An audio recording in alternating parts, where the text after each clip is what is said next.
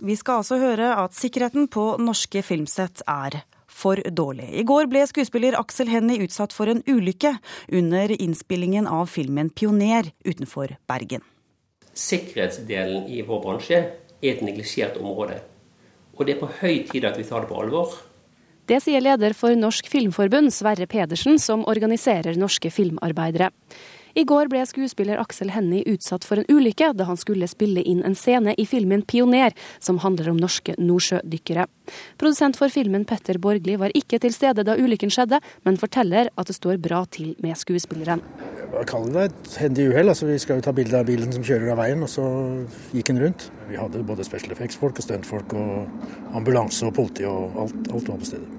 Vi skulle drive med bilkjøring som alltid er litt risky. ikke sant? Altså det er jo klart at Når en bil går rundt, så er jo faren for at menneskeliv går tapt, den er helt reell. Det sier leder for Filmforbundet, Sverre Pedersen. Vi bruker ikke ulykkene for å eh, slå mynt på det. Bransjen har i altfor svak grad tatt sikkerhetsaspektet på alvor. Altså, vi hadde eh, ulykken med Skumringslandet, der to eh, filmarbeidere døde. Det burde jo være en enorm varsko til hele bransjen at nå må vi ta sikkerheten på alvor. Han refererer til to filmarbeidere som druknet i fjor utenfor Egersund idet de skulle filme scener for filmen 'Skumringslandet'. Han får tilbakemelding fra fagsjefer, tillitsvalgte og verneombud på norske filmproduksjoner om at sikkerheten er for dårlig. Uavhengig av ulykken sendte han i går ut et nytt HMS-kurs til norske produksjonsselskaper. Jeg tror nok at noen verneombud har prøvd å gjøre en eh, samvittighetsfull jobb. Eh, men du må altså ha en del basiskunnskap for å vite hva er det faktisk er din jobb og rolle som verneombud. Hauk Heyerdahl, forbundsleder i Skuespillerforbundet, sier til NRK at han i sine to år i forbundet ikke har fått henvendelser fra skuespillere som reagerer på sikkerheten i norsk film, eller har blitt bedt om å gjøre ting de ikke ønsker å gjøre. Generalsekretær i Norske film- og TV-produsenters forening, Leif Holst Jensen, mener norsk film tar sikkerheten på alvor. På generelt grunnlag så har ikke vi noen forutsetning for å si at eh, sikkerheten er for dårlig. Eh, hvert eneste filmprosjekt er et eh, nytt prosjekt hvor man gjør en del ting som ikke har vært prøvd før. og Det er viktig at alle tar sikkerhet på alvor. Når vi snakker om det som har skjedd akkurat nå, her oppfatter vi at det er et proft selskap som har tatt forhåndsregler og har hatt fokus på, på sikkerhet, men har vært uheldige. Produsent for filmen 'Pioner' Petter Borgli mener de tok alle forhåndsregler da Aksel Hennie satte seg i bilen og kjørte utfor veien i går. Det er jo sånt som skjer. Hva skal man vi driver med det vi driver med, men eh, vi prøver å unngå at sånt skjer. Og takk og pris så gikk det bra. Hvis vi skal ta et bilde av en bil som kjører av veien, så må vi kjøre av bilen av veien. Og eh, det er sånn det er, men vi, prøver, vi, vi gjør jo alt det vi kan for at det ikke skal skje noen ulykker. Men eh, det er sånt som skjer, som jeg sier. Og Aksel Hennie ble altså ikke hardt skadd, men han fikk seg en trøkk og ble kjørt bort i sykebil. Reporter var Eirin Venås Sivertsen. Musikkfestivalen Kollenfest risikerer søksmål og konkurskarantene. Det skriver Dagens Næringsliv i dag. Da artisten Rihanna kom til Oslo i sommer, fikk hun utbetalt 11,8 millioner kroner i forskudd. Men eierne kan ha gjort dette uten tilstrekkelig egenkapital. Festivalen selv forsvarer regnestykket. Lag kunst for de godt voksne damene som kjøper billetter. Ikke for de unge mennene du ønsker skal begynne å gå i teatret. Det er rådet fra forskere bak en ny undersøkelse fra Agderforskning.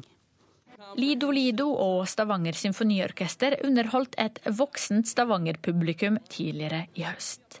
Nå viser en undersøkelse gjort av Agderforskning at enkeltstående ungdomskonserter ikke fører til et yngre publikum. De som oppsøker de offentlig støttede kulturinstitusjonene, er for det meste godt voksne damer sier kvinnen bak rapporten, Emma Lind. Vi tror at med alle ungdom så handler det bare om pris, ikke sant. Altså mange sånne type antagelser som, som vi alle har. Og så lager man politikk, skaper politikk veldig mye basert på en del sånne type ting. Det er jo eh, en nesten en umulig oppgave å få til. Agderforskning har undersøkt offentlig støttede kunstinstitusjoner i landets fem største byer, og sett på hva slags mennesker som betaler for å oppleve teater, utstillinger og konserter. Undersøkelsen viser at den godt voksne middelklassekvinnen dominerer alle kulturinstitusjonene.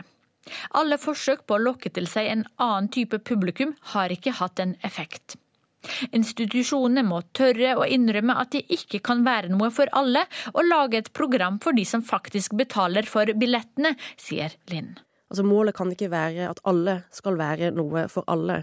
Det å, å begynne å tørre å si at vi satser på dette segmentet og ikke dette segmentet, det er anbefalingen vi kommer med. Den undersøkelsen ljuger mer enn meg. Sa Katrine Telle, teatersjef ved Oslo Nye. Hun mener at undersøkelsen er feilaktig, fordi den kun har sett på de som har betalt for billettene, og ikke tatt med ektefeller og barn som har blitt tatt med av kone eller mor. Likevel har hun ikke noe imot at 80% av hennes betalende publikum er voksne kvinner. Jeg er egentlig drittlei av at det skal være noe i veien med de som går i teater. Jeg er veldig glad for de som gidder å gå og har lyst til å se teater, og som syns det er viktig. Eh, og da blåser jeg i hvor gamle de er, hvilket kjønn de er, bare de kommer. Kulturbyråd i Bergen Gunnar Bakke er en av de som har vært med på å bestille denne rapporten. I Bergen har de ennå ikke vurdert hvordan rapporten skal påvirke fremtidige bevilgninger. Men jeg var nok litt overraska over at, eh, at, det går mot en det større og større avstand mellom den folkelige kulturen og den såkalte finkulturen. Så framviser denne undersøkelsen at eh, avstanden vokser fra et bredt publikum mer enn at man, at man samler. Reporter her var Sofia Pasjkevic, og mer om denne saken kan du høre i Spillerom her på P2 på søndag. Og Agnes Moxnes, kulturkommentator i NRK, hva forteller denne undersøkelsen? Ja, Den viser iallfall med all tydelighet at den store, la oss kalle den sosialdemokratiske drømmen om at alle skal møtes i teatersalongen eller konsertlokalet, den er forbausende langt unna å bli realisert. For det er i dag som det var i går, at eh, de som går til, eh, på teater og konserter, det avgjøres veldig ofte av hvor du kommer fra, hva slags kjønn du har, hvilken alder og hva slags utdannelse du har. Men hva er det kulturinstitusjonene gjør feil? Hvorfor får de ikke has på dem? Altså Det som overrasker meg, det er eh, at bildet er så veldig likt fra institusjon til institusjon og fra by til by. For denne undersøkelsen er gjort for å se nærmere på det offentlig finansierte kulturtilbudet i Oslo, Kristiansand, Stavanger, eh, Bergen og Trondheim. Jeg vet ikke om kulturinstitusjonene gjør noe galt, men som, det virker som systemet tillater dem til å være nesten som tvillinger da, når de legger eh, repertoaret sitt. Så eh, det er litt rart at ingen egentlig liksom bryter ut og gjør noe totalt annerledes, og om det er mulighet for å gjøre det i det hele tatt innenfor det systemet som, som er. Samtidig så må vi huske at det er store deler av kulturlivet som ikke er tatt med i denne undersøkelsen i det hele tatt. Bl.a. Hva, hva vi gjør hjemme, altså dataspill, se på TV, altså film og TV-serier, høre på musikk, som er, eh, som er en stor del av kulturforbruket og som baserer seg på at det faktisk finnes skuespillere, at det finnes filmregissører, at det finnes komponister og forfattere osv. osv. Men den rød-grønne regjeringen eh, har jo gitt kulturen eh, mye nye, ferske penger. Eh, Giske satt av penger til Mangfoldsåret, og Anniken Huitfeldt kom med sin inkluderingsmelding mens hun satt. Regjeringen har uttalt at de ønsker å nå bredt. Men er det bortkasta penger? Ja, Det kan jo nesten eh, virke sånn. Det har jo vært veldig viktig for, begrunnelsen for hele dette kulturløftet at 1% av, av statsbudsjettet skal gå til kultur. Og denne undersøkelsen viser jo at det virkelig er en, et veldig langt stykke igjen å gå. Eh, og hvis man da prøver å f.eks. gå og se på forslaget til statsbudsjett for neste år fra Kulturdepartementet for å finne, finne ut der hvilke veier de har og hvilke prioriteringer de tenker seg, så er det vanskelig å finne ut av det, faktisk. Det er mye av Altså man fortsetter å gi der hvor man har vært, mye av det samme, og få tydelige prioriteringer å finne. Men er det ikke en fallitterklæring å, å skulle gi opp kampen om eh, fornyelse på kulturfeltet og nå nye generasjoner mennesker? Jo, det vil være en eh, fallitterklæring. Så derfor så er det en utrolig stor eh, utfordring som ligger og venter på kulturminister eh, Hadia Tajik. Hun kommer til å få, antageligvis, vil jeg tro, god hjelp av Anne Enger, som jo har gått gjennom og evaluert Kulturløftet. Kommer en kulturmelding i januar som veldig mange kommer til å følge veldig nøye med på. Takk til deg, kulturkommentator her i NRK, Agnes Moxnes. I går kom nyheten om at det amerikanske magasinet Newsweek legger ned den ukentlige papirutgaven sin fra nyttår, og kun kommer i digital utgave. Newsweek er eh, et av eh, USAs aller største ukeblad, etter Times Magazine.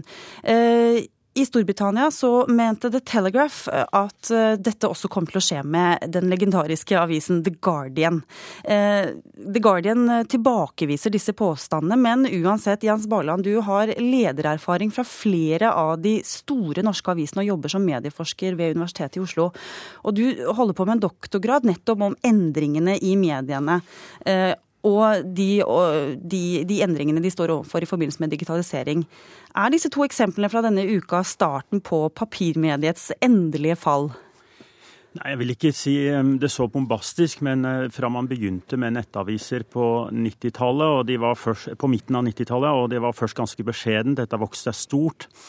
I løpet av eh, f.eks. 2007 så fikk jo VG flere lesere på nett enn det de har på papir. Eh, hastigheten i denne endringen der folk leser stoffet og får stoffet digitalt eh, i stedet for papir, den går bare hurtigere og hurtigere.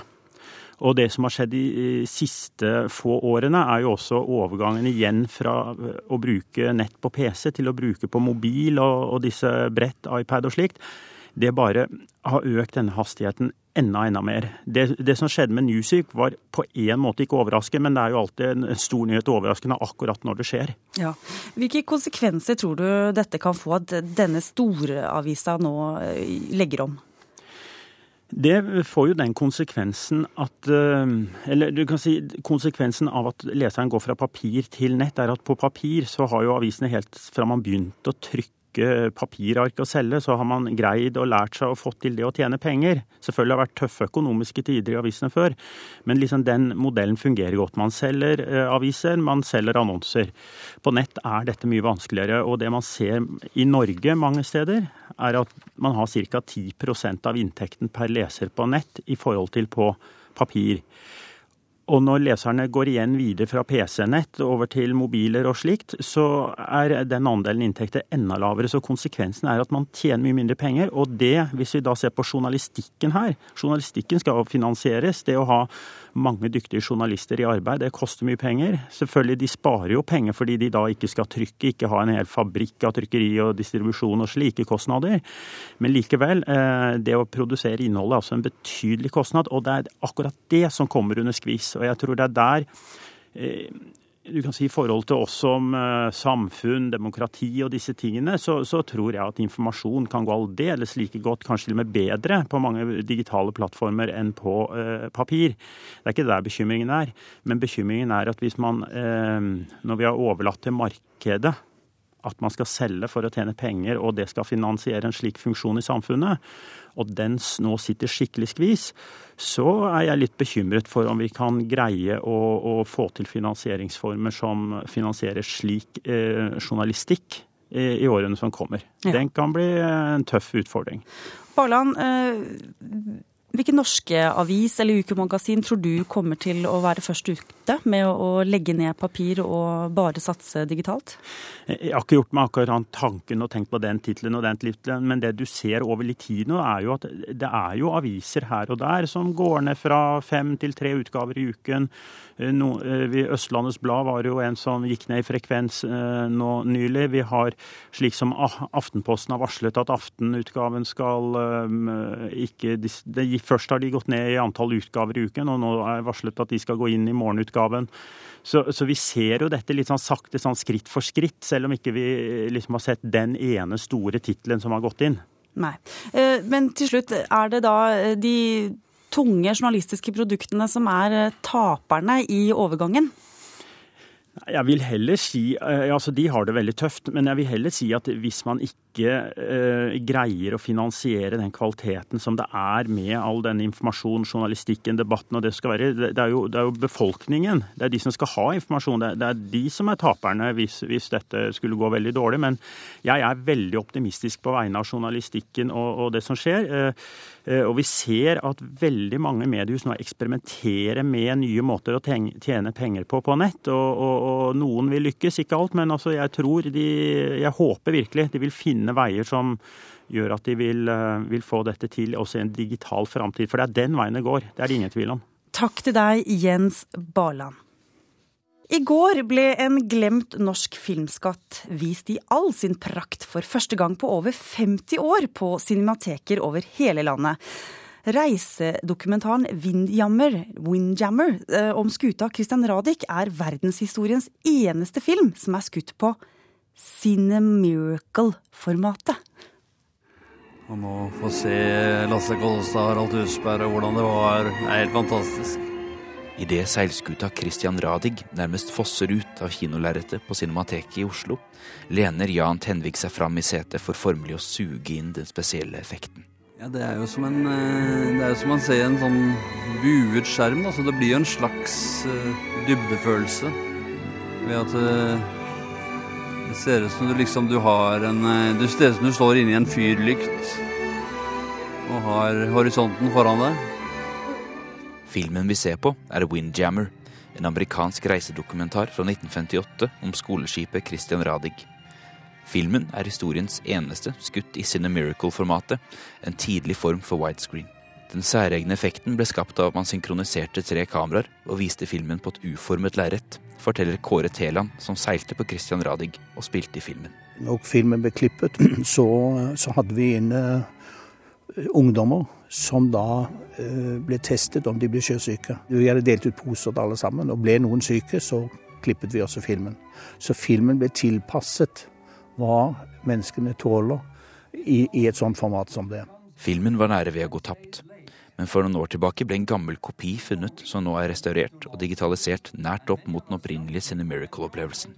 I går kveld ble den nye versjonen for første gang vist ved cinematekene i syv norske byer. Filmen ble tatt godt imot, slik den også ble da NRK overvar premieren i 1958. Alle veier går til Colosseum i Oslo denne hverdagskvelden, der Windjammer, eller filmen om skoleskipet Christian Radich, har norgespremiere. Hovedrolleinnehaver Lasse Kolstad og frue Bab er vant med gyngende grunn. Windjammer ble en suksess i Norge, og ikke bare pga. de fantastiske effektene, forteller Erlend Jonassen fra Norsk Filminstitutt. Nordmenn liker jo alltid å bli sett utenfra. Og her kom amerikanerne og i et superteknisk voldsomt system og så oss. Så oss som sjøfartsstasjon og unge menn og alt det som kunne tenkes å være bra. Det er klart det måtte bli en suksess i Norge. Tross suksessen ble Windjammer den eneste filmen av sitt slag, ettersom Cinemiracle-formatet var altfor dyrt. Kåre Teland forteller. Teknisk sett så var det en blindgate. Det ble for dyrt. Alle steder så måtte man altså reinvestere, ombygge hele teatret. Som vi også måtte gjøre på Colosseum. I kinomørket i Oslo vekker filmen gamle minner hos Kåre Teland om da han sto til rors natterstid på Christian Radig. Å stå til rors i Passat, Passaten om natten med stjernehimmelen over deg og 27 seilsamt og hvor, hvor båten gjorde da rundt tolv knop. Det var, det var en, en helt, helt ubeskrivelig følelse. Reporter var Andreas Lindvåg.